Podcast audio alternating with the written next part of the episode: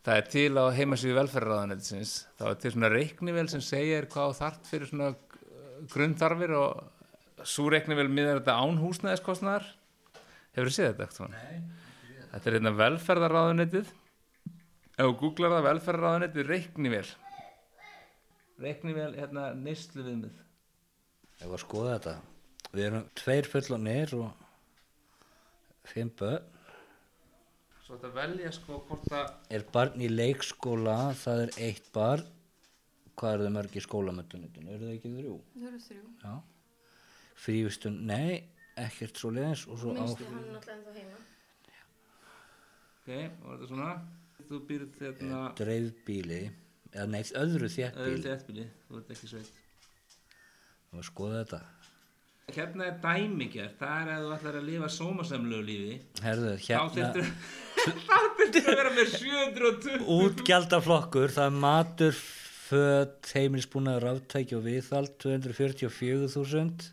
Þannig launin mín farin. Þegar þetta er dæmigjart, þá er þetta rauninni, þá ætlar að lifa svo kvöldulega millist þetta lífi, eða svona sæmilegu lífi. Þá þurftur þú að vera með fyrir utan húsnæðiskostnað 718.760 í peningum Og þetta er fyrir utan, hús, hú, húsnæðiskostnað. utan húsnæðiskostnað. En, en svo gætir að fara hérna, ef þú ætlar að lifa bara við fátakramörk, þá fyrir það grunnviðmið, íður hérna. Þá ertu komin í grunnviðmið, þá þarftu til að geta að lifa sæmilega án húsnæðiskostnað. 457.000. Fyrir utan húsnæðiskostnað. Sko, launin okkar núna, þau ná þess ekki. Við erum fátæk. Við erum fátæk. Þetta er Bjarki Týr Gilvason. Hann er að segja konu sinni, Sigriði Einarstóttur tíðindi. Þau eru fátæk. Nei, þetta er aldrei spes að sjá þetta svona. Við erum fátæklingar, Sigriður.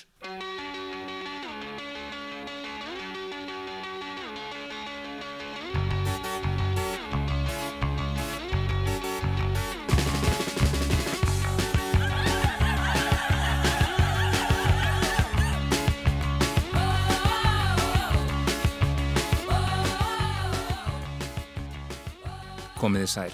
Ég heiti Mikael Torfason og þetta er þátturinn Fátækt fólk. Síðustu átta mánuðið eða svo hef ég tekið viðtöl við fátæka Íslendinga. Fólk sem býr við fátækt, hefur búið við fátækt eða er líklegt til að búa við fátækt á næstu árum. Í þessum fyrsta þætti af fimm ætlum við að finna út hverjir eru fátækir á Íslandi. Þennan tiltekna þátt hef ég nefnt korteri frá fátækt.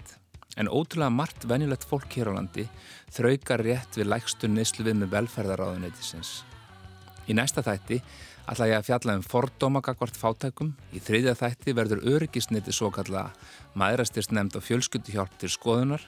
Þá mun ég í fjórða þætti reyna að skilja hérna ram íslensku fátækra gildru sem margir sitja fastir í. Og fymti og síðasti þáttur ber þann hryllilega titil Fátæk börn. En áður en við kíkjum aftur til þeirra Sirjar og Bjarka sem við heyrðum í í upphafið þáttar, þá langar mig að atua hversu nálagt kennari á höfuborgarsvæðinu er að vera fátækur. Ég er að fá svona uh, útborgað, þú veist, í, það sem ég fæ sjálf í peningum er eitthvað um kannski 300.000 krónur á mánuði. Sér, Í alveg. og þú sér það að hérna, ég er að leia núna þryggjaherbyggi íbúð á 190.000 krónur. Þetta er hún Sigurbjörg Ósk H. Og- Sigurðardóttir. Vinir hennar á fjölskylda kalla hana Dittu. Það þarf ekki mikla stærfræði gáfi til að sjá að hún Ditta getur auðvitað ekki séð fyrir sér og börnunum sínum tveimur á kennaralaunum. En það er hún í annari vinnu, þessi unga móðir, og tekur sér ekki sumafrí. sem sagt í sumafríðunum mínu sem ég eh, var í sumar þá vann ég sem sagt á sambili menn ég var, já, átt að vera í sumafríði og svo hef ég verið að vinna aðra hvora helgi nýlega byrjarendar, aðra hvora helgi í svona búsætúraði fyrir hérna uh, úlinga sem að eiga í erfiðleikum að fóta sig í lifinu og, og þú miður þá lendi ég sem sagt í, í árás í vinnunni sem sagt uh, á fjórðu vaktinu minni. Þannig að ég sem sagt uh, þurfti að taka mér veikindarleifi þannig ég get ekki unni fyrir til dæmis fyrir eftir áramót sko. Þegar ég heimsótti dittu fyrir jól þá var hann rúmföst. Vinkonur hennar voru nýbúnur að skreita jólatrið fyrir hana og leigusalinn kom í heimsók. En ég líti að það, sem sagt, þér, það var eiginlega hálf sorglegt, held að mis fyrir viku síðan þá kemur, sem sagt, leigusalinn sem að ég er að skrifa undir uh, samningin aftur, sem sagt, við skrifum undir, sem sagt, árlega, búin að leiði hér í ár og hann segir mér einmitt að hann sé að fara að hækka leiguna 1. júni um 15 til 20 krónur og ég nefnaði við hann einmitt hérna, ég hafa bara ekki efnaði sko. þannig að í rauninni er þetta bara rosalega erfið stað fyrir mig því ég hugsa tilbaka og er ræðið við bankan bara fyrir hérna viku síðan því ég fer með leigusamningin aftur og þarf að borga með 20 krónur til þess að, að lengja þess að banka hérna, ábyrðana á peninginu sem ég átti inni í bankanum fyrir, þú veist þannig ég, borga, ég er raunin að borga 20 krónur þar til að lengja það, þú veist, sem að er eða bara hálf sorglegt líka, sko, að þá, emitt, er ég að krýja út meiri yfirdrátt, skiluru, þú veist, fyrir jólanum, til að efni á jólamatnum, skiluru, og erum með allt í botni því að í rauninni vanta með þannan 100.000 krónur á mánuði til þess að geta borga leguna og átt fyrir mat og lækniskosna og allt sem þarf, skiluru. Þegar Ditta sagði fólki á sínum tíma að hún ætlaði að elda draumin og verða kennari, leist hennar fólki ekkert á þann ráðahag.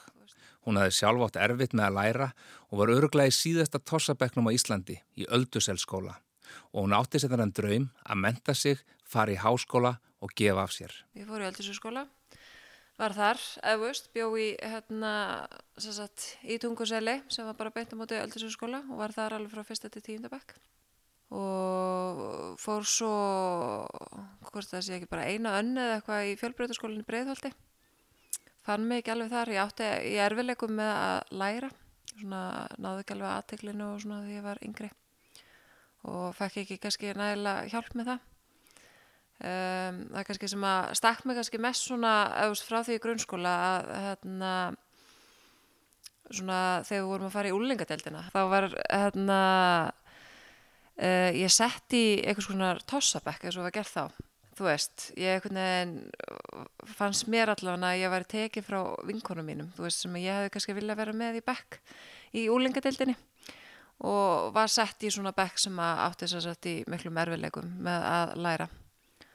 En ég fekk einhvers, aldrei nefn á svona sérkennslu eða eitthvað þess áttar, þú veist. Mér fannst ég aldrei geta uh, leita til eitthvað, þú veist, varandi það. Í rauninni fannst mér því lít tilbaka að ég hef kannski verið svona stelpann sem að einhvern veginn glemtist eða fatturu sem var, var ekki kannski fylst nægilega vel með.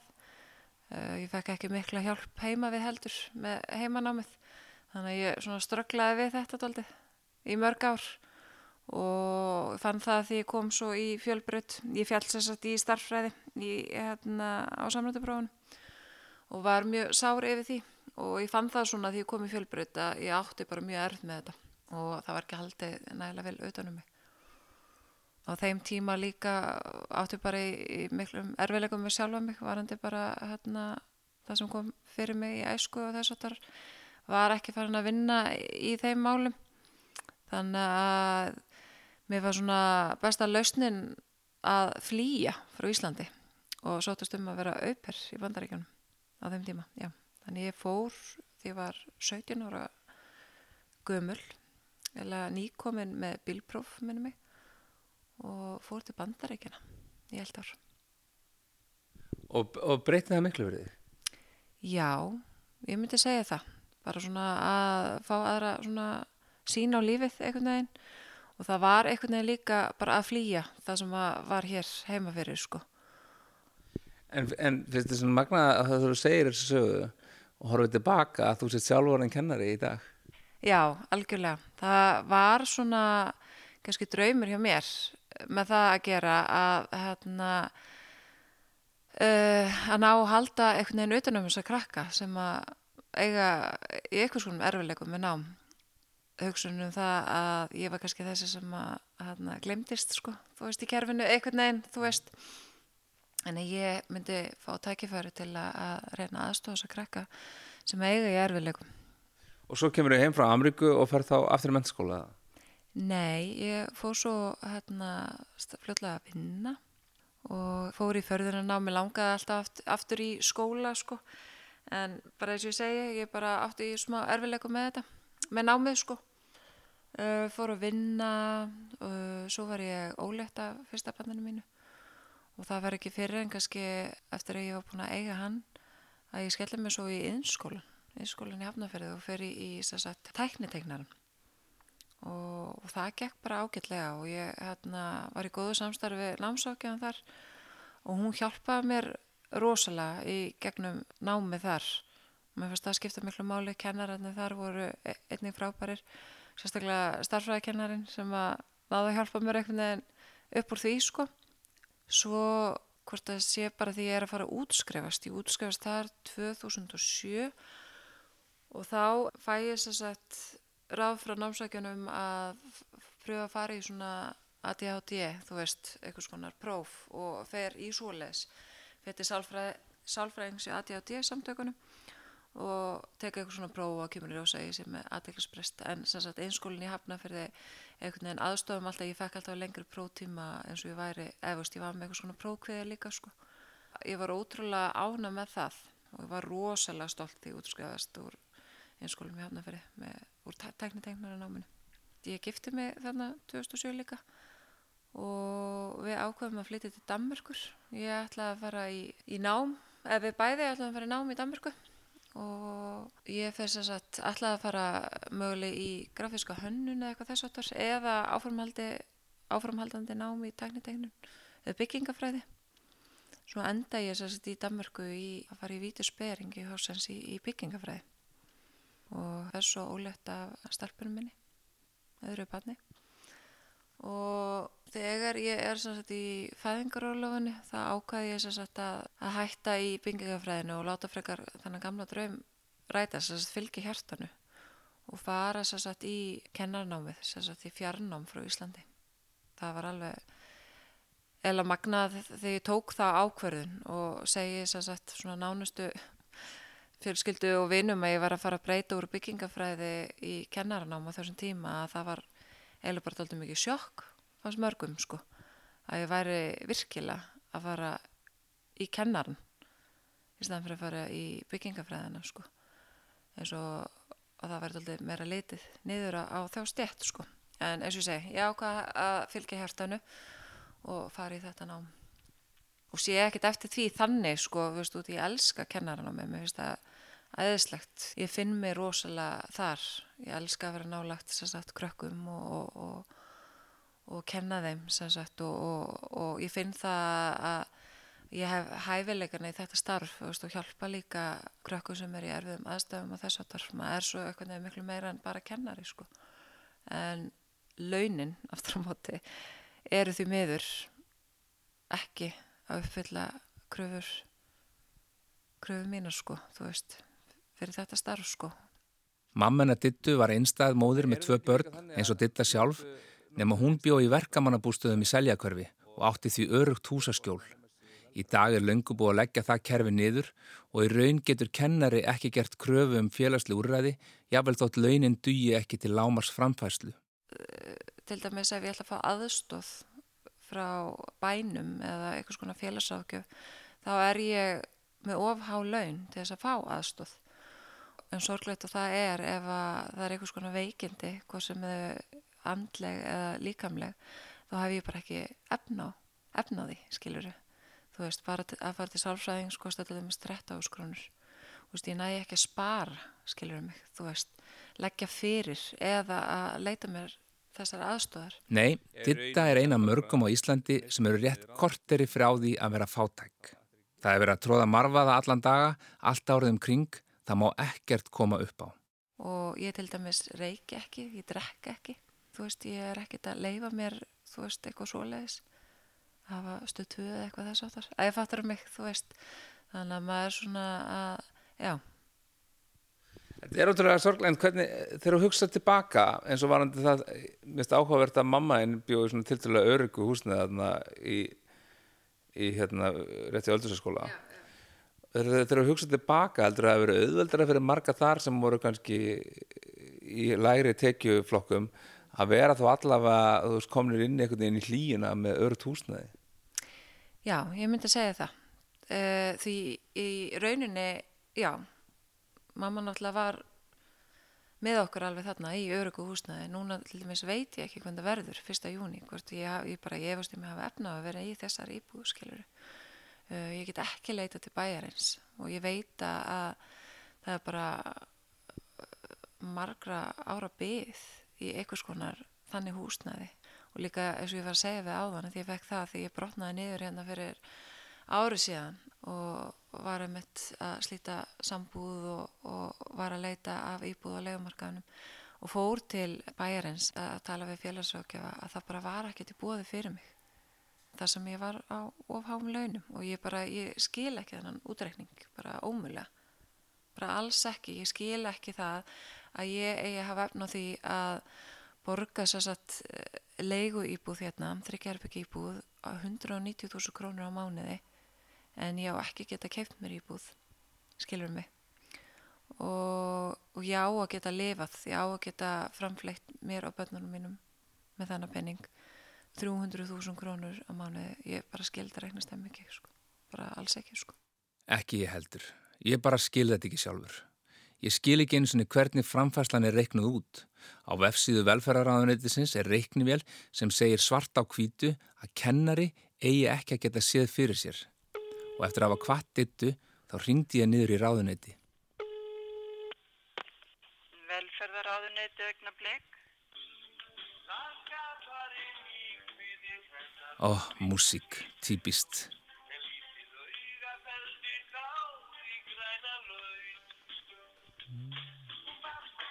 Hún var 15 ára á föstu. Er þetta Bjartmar? 16 ári í sambúð. Story of my life.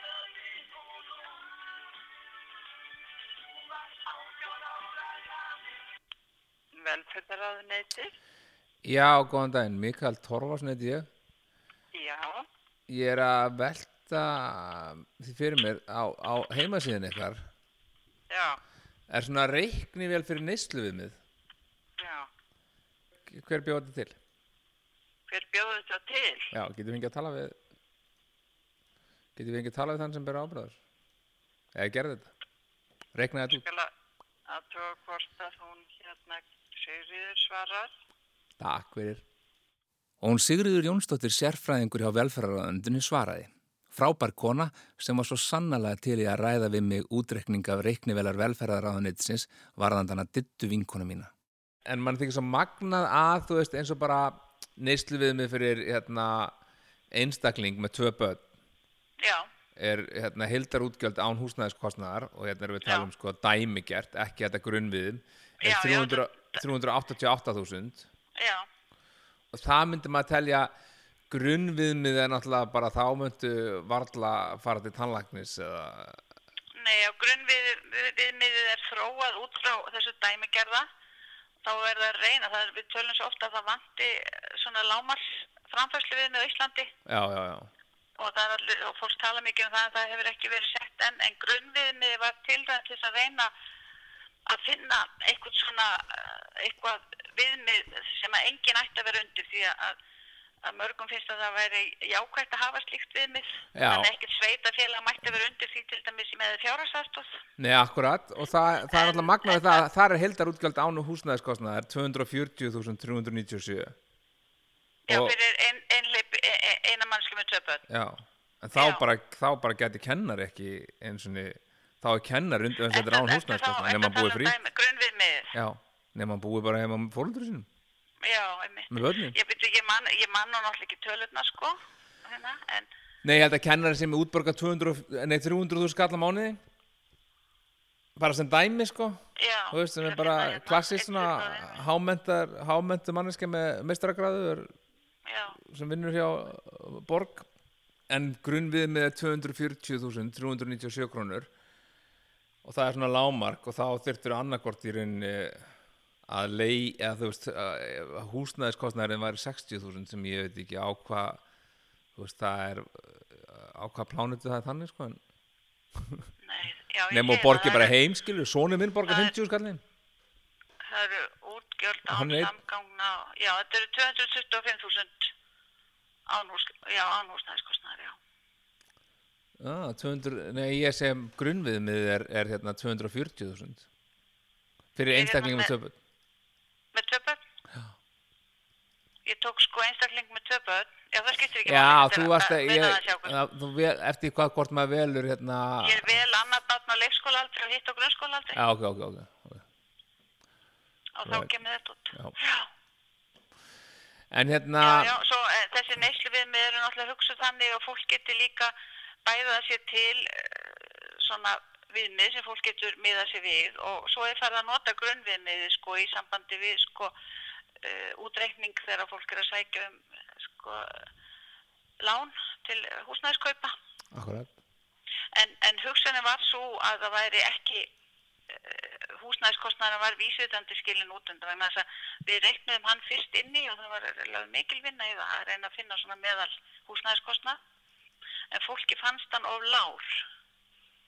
En málið er að, að me, meðaltalið er sko við, við erum alltaf að horfa á það sem er hæst skilur svo leia margir ódýrst í kringum yfislegt og þannig að þetta var í raun og veru sennilega raun húsnæðiskostnaður sko meðaltal skilur já, já, já, en við erum alltaf oftast að horfa á það sem að líkur hæst og við vitum að það líkur alveg ræðilega hátt og, ekki, og það er nú hækka.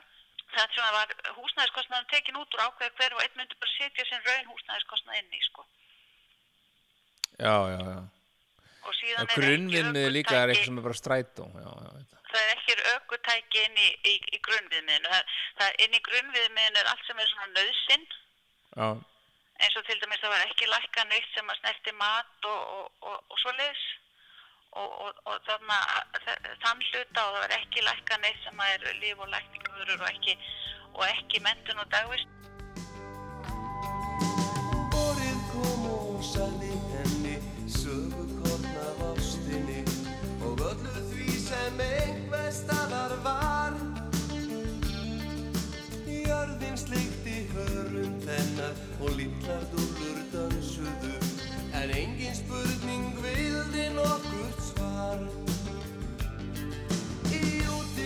upp í sveit mist hún frá sér meidóminn og saklaus barnið sveif á lífsins braut.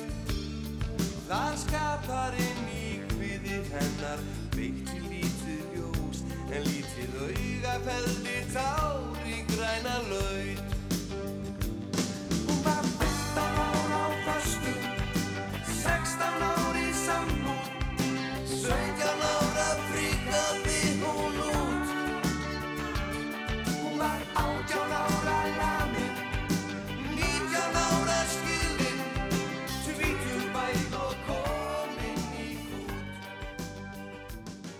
Ef fjölskylda lendir undir þessum grunn viðmiðum, þá er hún í raun og veru fátæk. Þá skrimtir hún ekki einu sinni, næra ekki að tróða marfaðan og sekkur bara. Eins og Sirri og Bjarki, hjónin sem við heyrðum í í upphafið þáttar. Þau búa í sandgerði og eiga fimm börn, leia. Sirri vinnur við ræstingar í leifstöð og Bjarki við húsasmíðar. En þið líka hafið hvort annað, því nú hefur við verið að taka viðtöl við hérna, fólk og oft konur sem er til dæmis hérna, einstæðar og, og, og það er náttúrulega mjög, mjög slæmt. Og, en þið hafið hvort annað. Já, við erum mjög heppið með það, við höfum hvort annað. Þetta er alveg rosalega forréttindi að eiga félaga í þessum bar bardaga. Og manni finnst þetta halv ótrúlegt sko. Þegar ég er að labba þarna á Hard Rock þegar ég byrja að vinna þá var hún í sömafríi og svo er ég að labba þarna framhjá og er þeim alveg óforhertur í eldúsinu öskrand og gargand og allt og all og er að labba framhjá sem uppaskara og snýr hún sér við og þá bara vissi ég það að þetta er kona mín Já, ég var basically uppvaskari á hardrock. Hvað, er, hvað, okay, hann sér, hann sér uppaskarana hardrock og verður umsöðalust ástókin, hvað sást þú? Ég sá hana man, mann með svakalega fallit raukt hár, hann var með svona raukt hár eins og ég. Það sést ekki lengur. Ef ég var skeggjar þá sægur það betur Já. En já, ég fjall líka fyrir honum strax. Og, og urðu strax skoðið vinnir þarna í eldursun? Já, bara strax. Ég bara alveg frá fyrsta augnabliki við erum búin að svo erum við byrjuð saman í november sama ár og búin að vera saman síðan Hvað, fjórum mánuðum setna þá var ég ólétt af elsta. það var bara ekkert aftur snúið. en við erum með, ég er með 280.000 og hún með 140.000 í fæðingarólofi og svo erum við með 5 börn og ef það telst fátækt þá er svarið já en annars höfum við svo sem aldrei upplifa okkur sem fátæk. En þið samt eruð að lifa þannig lífi að það setur stryk í reikningin bara tannlagna kostnaður og... já það má ekkert út að bregða. Við lifum á milli launasegla En eru þið ekki líka e- eitthvað leiti í versta hópnum þar sem að þið eruð ekki nógu fátæk eða í nógu tekjulátt til að komast inn í félagslegt húsnæði sem er þá öryggi og, og það, er ekki, það, er, það er ekki til neitt annað vettvangu fyrir ykkur annað en bara leigumarkaðar og frjálsumarkaðar. það er bara leigumarkaðurinn sem er í bóði og ekkert annað og eins og verðin er á honum í dag og þá er það ansi stór það, við erum að sleppa ansi vel hérna við erum að borga 220.000 á mánuði það svona tekur ansi stóran bita af af launaselinum og svo náttúrulega er það reikninganir og hiti og ramagn og svo þarf allir að vera með internet í dag það er ekki eftir að vera í grunnskóla lengur á þess. En þau Sirri og Bjarki ætla ekki að leggja árar í bát sama hvað einhver vefsíða segir. Ég er samt ekkert að kaupa það þótt að þessi heima sé að segja það. Þetta verður mikið gott að hafa meira á milli handana og verður ekki alltaf að dreipast úr áhyggjum og stressi en, en ég sé mig ekkert sem fátækan. Þá svona helst að þetta bytni á þú veist þegar maður þarf að velja á milli reiknings eða tómstunda fyrir krakkana og svo hefur það nú alveg komið fyrir að maður þurfa að kaupa, sleppa því að kaupa lifin sín. Ég grindu gekar og sjúkur og alltaf þarf lifið því. Þannig að stundu það maður að sleppa þeim. Það er oft ansið stór biti sérstaklega eins og þetta er orðið þá er bara startið hjá mér á nýju livjatímabili einhver 50-60 skall í fyrsta bita og svo minkar það stig á stigi. Svo eru strákanir báðið með liv og það er alveg góðu 20-30 skall startið þar líka Og, og, þú, og þú ert alveg fullri vinnu. já, ég er í fullri vinnu Hann Bjarki hefur líka lengi neitað sér um að fara til tannlæknis. já, þannig að segja þetta þetta er ekki hugulegt upp í manni ég get nú ekki sínt þeim í gennum mikrofónin en Hvað hefur látið Lendi því sko að það komu allir endajakslanir bara niður á sama tíma pressuðu saman á mig tennunar þetta bara byrjaði alltaf að springa og, og brotnuðu tennur bara. og tennunar bara brotnuðu Og það mun alltaf kosta mörg hundru þúsund ef ekki miljón kalla að gera við. Jú, alveg fleiri hundru þúsund þú sér það bara rífa eina tönnu 20.000 En, hva, en hvað er eins og hvað er þetta marga tennur sem eru brotnar? Þetta eru báða framtennunar sem eru, það eru báða framtennum brotnar. Þetta er svona 8-9 tennur Það er búið að rífa fjórar maður verður bara svona eins og eins og almjölu larfur hérna verður maður ekki flottur orðin tannlaus í lópapeysunni sinni þá er ég bara eftir að láta mig vaksa reitt í lett skegg En hefur kvarlaði ykkur að gera eins og margar íslenskar alþýði fjölskyldur hafa gert sem er að flytja til Danmörku, Noregs eða Svíþjóður? Já, það hefur hverlað okkur. Ef við hefðum ekki til dæmis fengið þetta, fundið þetta hús, þá værum við farin. Bara legumarkaðurinn hérna eins og hann er, að ef þú missir húsnæði sem þú ert í, þá ert þú bara á götunni. Og ef við hefðum ekki þetta tengslanett og þetta æðislega fólk í kringum okkur, þá værum við á götunni. Og meira að segja Bosnia, sagði Bjarki mér, er físilegri kostur en Ísland. en ég hugsa samt að grínlaust ég held að við myndum bara sem fjölskylda ég, við myndum hafa það betur út í Bosníu en hér Ég held við myndum hafa betra allstaðar annars staðar heldur en á Íslandi. Í Bosníu það er ekkert almannatryggingakerfið eða neitt, þú bara þérnar það sem þú vinnur og, og framleiðir. Og skattkerfið er náttúrulega allt öðruvísið þar. Það er auðveldar að koma sér upp húsnæði og, og stunda sjálfþurfta búskap og svona. Og ég hugsa að maður hefði tækifæra á því að hafa landskika og að hafa einhverja skeppnur og svona. Ég hugsa að maður veri miklu betur settur þá maður er svona ansi sjálfbjarga ef maður hefur aðstöðuna til þess Samt erum við núna á hæstu launin sem við höfum einhvern tíma verið á sko. Við erum einmitt Við búin að vera skott. okkur oft í hausnum. Við erum oft búin að klóra okkur í hausnum en hvernig fórum við að þessu sko. það bara rúlar einhvern veginn áfram og svo náttúrulega eigum við gríðalega gott fólk að Við náttúrulega, við sem erum fætt hérna og eigum stóra fjölskyldur, við náttúrulega erum það heppin að við eigum fullt af fólki. Já, þetta er eins og borðið sem að við sitjum við, þetta kemur frá vinkonu enna Sigriðar og, og sem sagt mömmu, be- eina bestu vinkonu dóttur okkar, þau voru endun í eldhúsinu hjá sér og, og spurðu vantar ykkur ekki eldhúsborð í nýja fína húsi sem þau eru að flytja í. Þannig að þar fengum við það og, og allar þessar möblur sem verður með hérna ég held að við höfum ekki keift neitt nefn einhverja tvo, þrjá hluti sjálfur en þú eru nýja sko, restin er bara allt svona hand me downs eins og þið kalla það fyrsta sófasettið okkar var síðan 1700 og surgal úr, þarna safnaður helminni í sangjörði Blessaða sófasettið. þeir voru að endun í að sófasettið þar og, það þurfti að koma gamla sófasettin út og þá fyrir í gegnum tilstöðlan tengdapappa þá fór það til okkar frekar hann á haugana Mér þykir þetta samt alveg sko sláandi bara hérna vera að því að að því að svona á þetta ekki að vera. Þú veist, tvær fullanda manneskjur hérna með börn sem að vinna vinnu sem er mikilvæg væg, þú við smíðar og þú við hérna, þrifi leifstöð auðvitað á þetta ekki að vera svona Ég er alveg sammála því. Ma- Þetta verður náttúrulega að vera þannig að maður geti lifað mannsamandi lífi. auðvitað á þetta ekki að vera svona Þau eru samt svo þakklátt og indisli heima sækja hjónin. Bæði í skíunum með að Bjarki sé ekki lengur farandverkamaður í Noregi. Hann var lengi þar að vinna eftir hrun og sendi peninga heim. En var það ekkert erfitt tímabili fyrir eins og byrjum bara þér þegar hann var úti, hvað var hann úti lengi í einu? Að það fór eiginlega bara allt eftir eins og sögum. Fjárhagnum, hann var ekki í úthalda vinnu, hann var bara að vinna og fór á eigin fórsendum og kom þegar hann gatt komið. Þannig að eins og til dæmis þegar ég var ólitt af Ímibreka sem er næst yngsti, þá fór hún út og kom svo heim einu sinni á meðgöngunni og svo kom hann heim mánuð áður en ég átti. Og þá var ég fullri vinnu með alla krakkana líka, þannig að það tók svolítið á. það er ekki allir sem eru giftir hetju eins og ég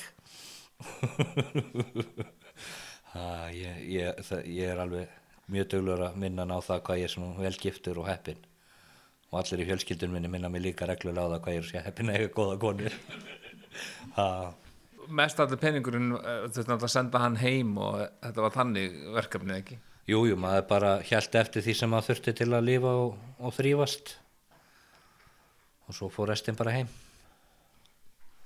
Og við hvað varst að vinna í Noregi? ég var að keira vöruflutningabíla rúntandi um með döðar beljur Og reyðhjól. og reyðhjól Og reyðhjól. Dauðar beljur og reyðhjól. Þetta hljómar ekki vel saman.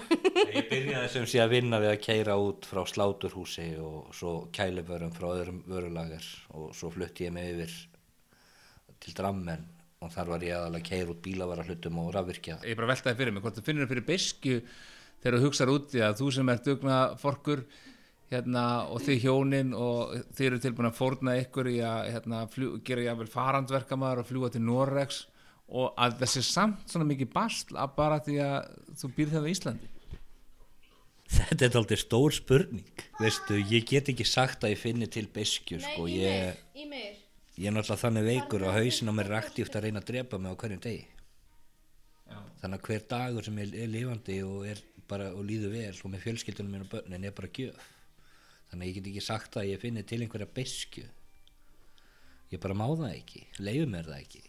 Þú veist, þannig að auðvitað get ég orðið fúll á móti og farið að garga hérna út í vindin og heimta hlutinni breytist og svona en, en það skila sér ekki neinin nema vanlíðan því að ég hef enga trú á því að þessi menn upp á þingi myndu hlusta á mig. Eða, vin- eða samtök aðunum veitanda eða verslunar eigundur að þú ákveður inn að Já, og þið kannski að sigra þetta freka með hjartanu og, og, hérna, og vera hamingisum og gefa skít í restina. Eiginlega sko, þar maður ekki bara að vera poljana til að búa hamingisamar á Íslandi þar maður ekki að vera með hausinn hún í sandinu svona hal- hal- halva leið allavega. Það getur bara í ákvæmni. Það er þannig sem þetta virkar í okkur. maður hefði ekki tórað þetta öðruvísi. Eru þetta ekki frábær loka orð svona er þetta bara. Við hlóum og fýbluðumst við Sirri og Bjarki og letum ekki óréttlætið kæfa okkur alveg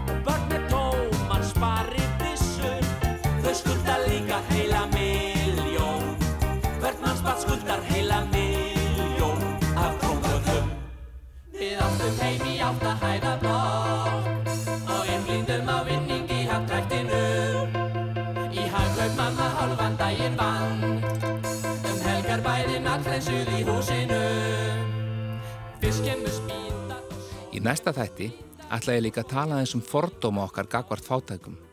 Hvaða sögur viljum við heyra af fátæku fólki? Verða allir að bera sig jafn vel og sirri og bjarkis og við viljum hlusta?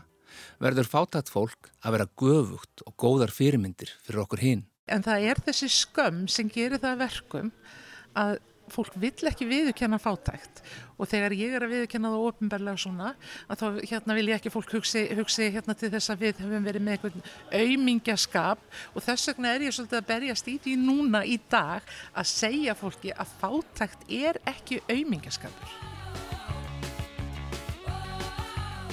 Þetta er Ásta Dís Guðjónsdóttir, formaður sjálfsbjargar á höfuborgarsvæðinu. Hún ólst upp við fátækt og uppliða hana svo sjálf þegar hún var einstað móðir. Við ræðum við Ástu í næsta þætti.